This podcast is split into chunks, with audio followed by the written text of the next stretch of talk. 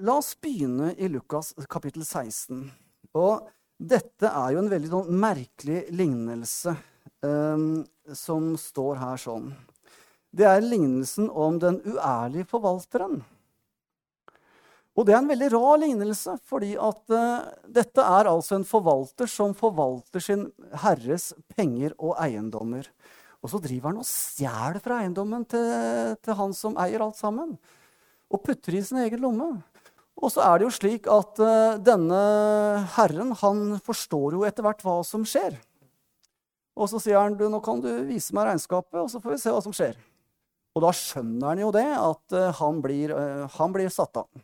Og så sier han til seg sjøl at jeg orker ikke å grave grøfter og orker ikke å gå og tigge. Så det han gjør, er at han fortsetter å stjele fra herren sin. Han reduserer den gjelda som en rekke folk har til herren. Har skylderen 100, ja, da skriver vi 50.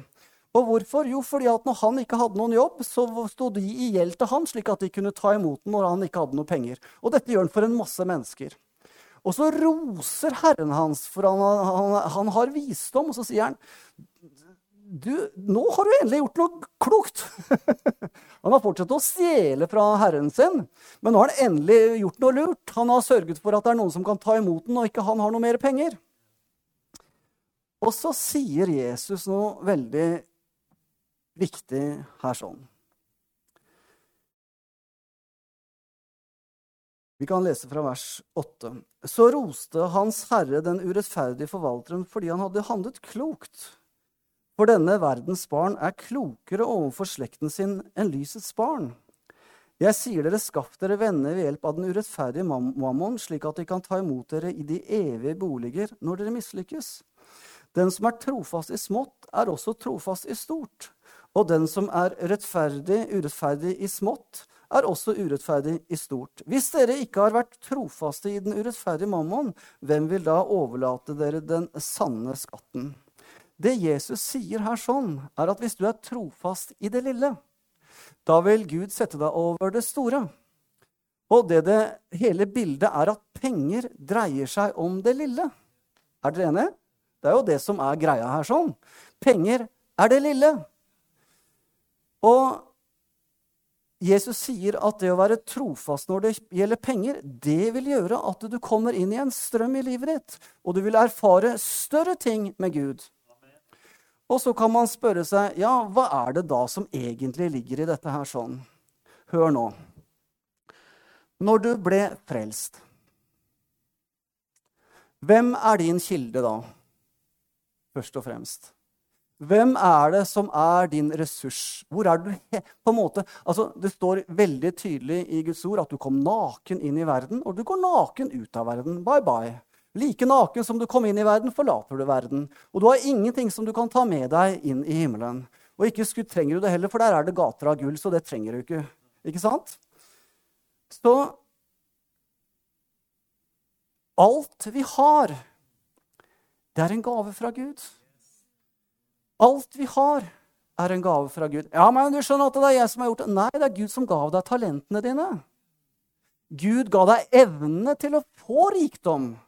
Vel, det er en gave fra Gud. Og Hvis vi leser i, i Gamletestamentet om David da han innviet tempelet, så ga David en sum som tilsvarer to milliarder dollar til bygging av tempelet. Og det står at, Men først så priser David Gud for at han er kilden til all hans rikdom. At det er han som eier all hans rikdom. Og alt han har fått, er en gave fra Gud.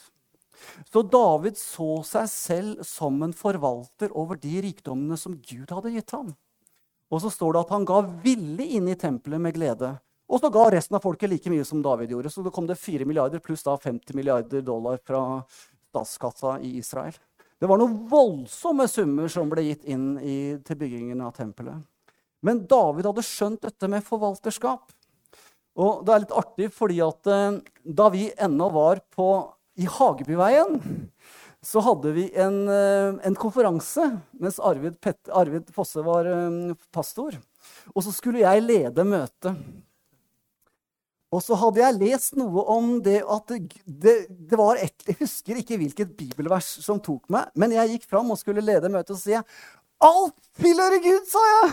Vi er ikke lenger i Gamle testamentet hvor vi skal gi 10% men alt tilhører Gud, sa jeg. Det var som en sånn åpenbaring. For meg så var det veldig sterkt. Og så reiser det seg en pastor nede i forsamlingen, og så sier han Reiser han seg. Rør ikke tyenden, sa han. Rør ikke tienden. Men dere vet at det som står du, i Gammeltestamentet Dette var jo du også inne på en gang tidligere, Runar, om dette som står i Malakias. Tienden og offer. Tienden var 10% men hvis du la til offeret, så var det oppi 33% Så skal du holde deg til Gammeltestamentet, så nytter det ikke å gi 10 vet du. du må gi 33% Men saken er den at eh, vi er forvaltere. Og så sier Gud at eh, Vær trofast i det som er lite. Hva er lite? Penger er lite. For hvordan er det du viser Gud at du stoler på at han er din kilde, din tilgang? Ved at du gir noe av pengene dine inn i Guds rike. Hvis du forteller meg at du stoler på Gud på alle områder i ditt liv, så kan jeg spørre deg gir du inn i Guds rike. Det er den måten du beviser det overfor deg selv. Skjønner dere? Du, altså, vi får ikke noe vi, Det er ikke sånn at når jeg gir noe mer inn i Guds rike, at Gud elsker meg noe mer. Men det som skjer, er at du opplever og begynner å erfare Guds velsignelse at du begynner å erfare helt påtagelig i ditt eget liv at Gud virkelig er din kilde. Det er jo det som skjer når du gir. Vet Du hva? Du, du vokser i tro, skjønner du. Din tro vokser på helt konkrete, praktiske områder. Det er det som skjer når du gir tienden. Det gjør noe med deg. Og du viser overfor Gud og demoner og all verden at Gud er din kilde. Det er en praktisk måte å leve i kristenlivet, og et sted må man begynne å gå i tro.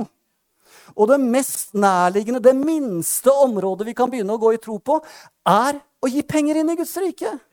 Og så har Gud sagt det sånn at alle skal ikke gi 1000 kroner. Du gir 10% Du kan begynne med 5% for den saks skyld.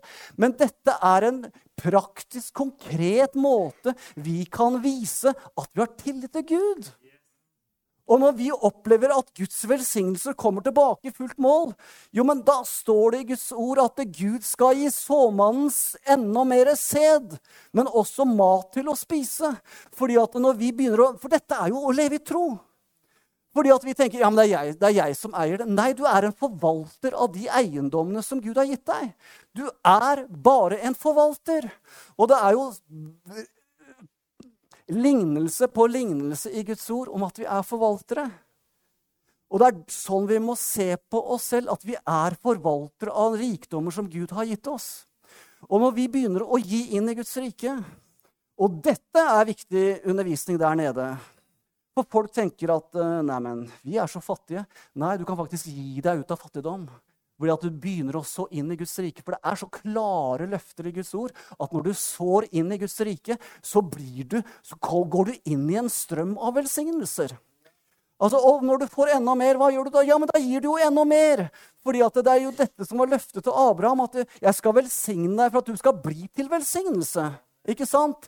Slik at når vi kommer inn i denne strømmen av å gi, så velsigner Så åpner Gud porter som har vært så stengt for deg. Du kan ha slitt i årevis med å få gjennombrudd.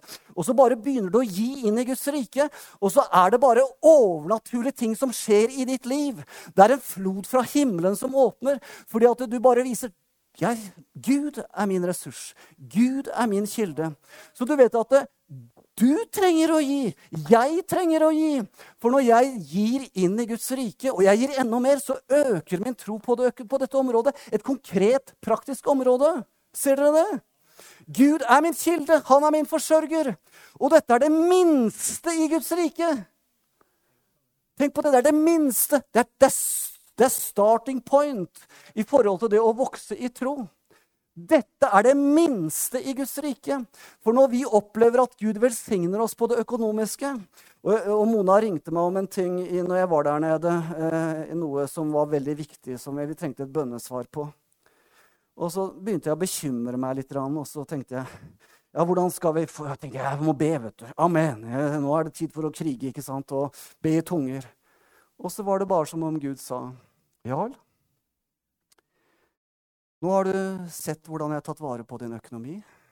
Du har tro til meg når det gjelder din økonomi.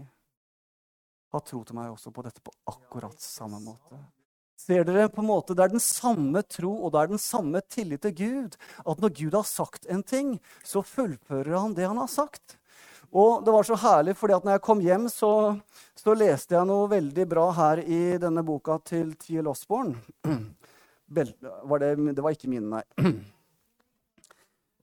Å, takk, Runar, du er bare et funn for meg. Og så fine briller du har. Jeg låner de. Så dere vet at hva er egentlig tro? Tro er å ha tillit til Gud.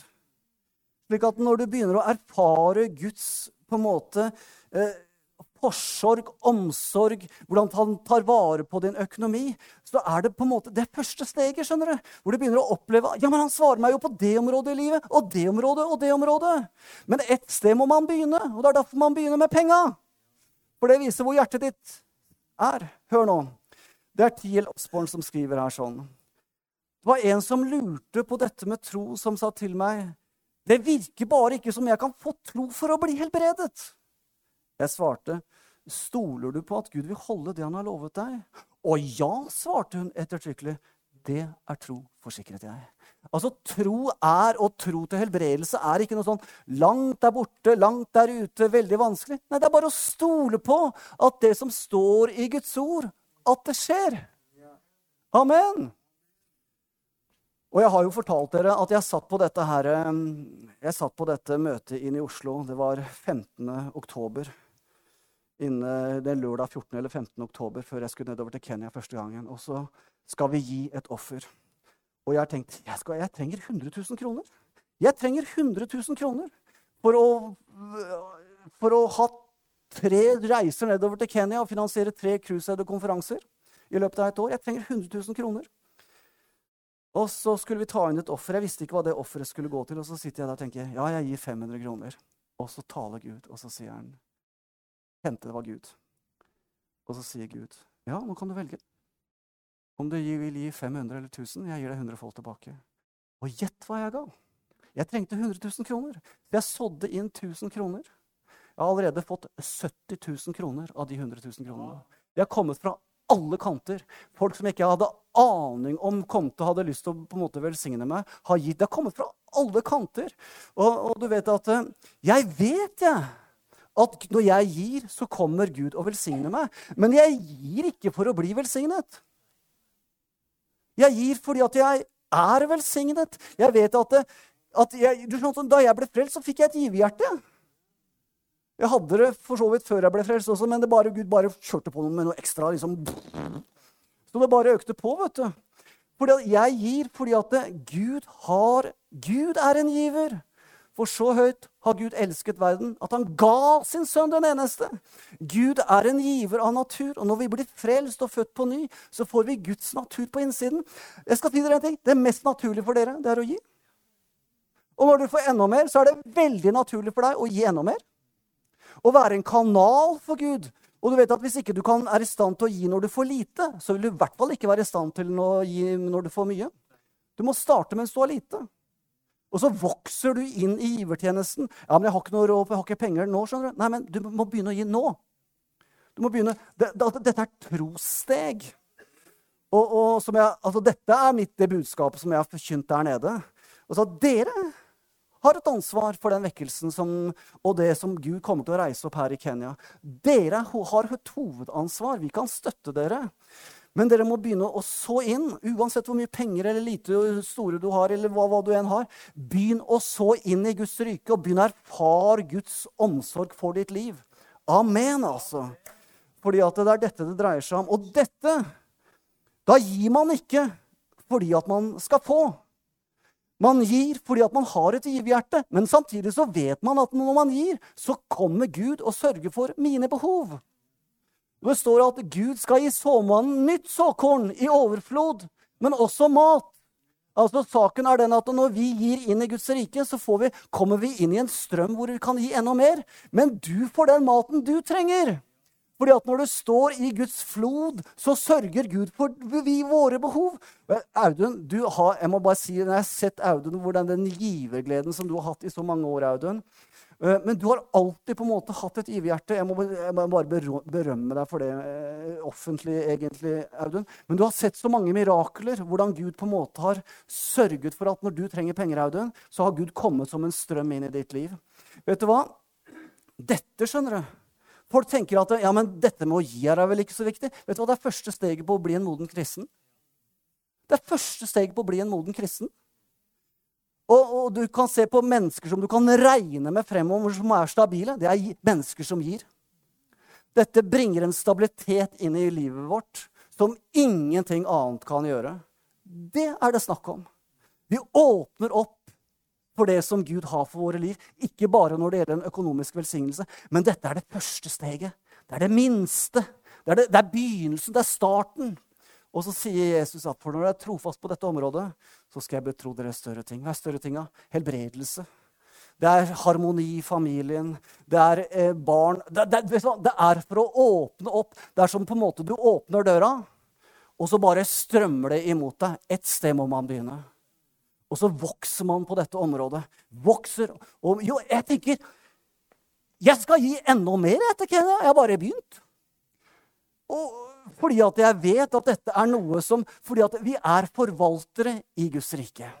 Altså, Det som Gud har gitt meg, skal jeg forvalte. Og tenk på det, at Jesus sier at en dag så er det noen der fremme. Jeg får ingen skatter med meg til himmelen. Det eneste jeg får med meg til himmelen, det er forandrede mennesker. Sjeler som er frelst. Sjeler som er frelst. Det er det eneste jeg får med meg til himmelen. Og en dag så kommer jeg til å møte dem. Tenk på det. Det står, Jesus sier det. Han sier det ikke bare her, han sier akkurat det samme i Matteus kapittel 6. Akkurat det samme. En dag så kommer dere til, til å ta imot dere i de evige boliger. Amen! Så her har vi et forvalteransvar. Og Amen. er ikke dette herlig? Ja, jeg må jo si det er jo helt fantastisk, spør du meg. Åh, jeg skal bare avslutte. Nå er brillene mine borte igjen. Hvor er de, Runar? det er der jeg pleier å legge de. Åh, dette her er helt enormt.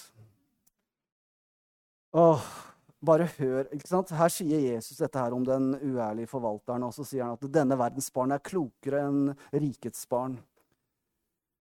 Og så sier, står det akkurat det samme her sånn i Matteus kapittel 6. Å, Jesus, halleluja. Å, Jesus, halleluja.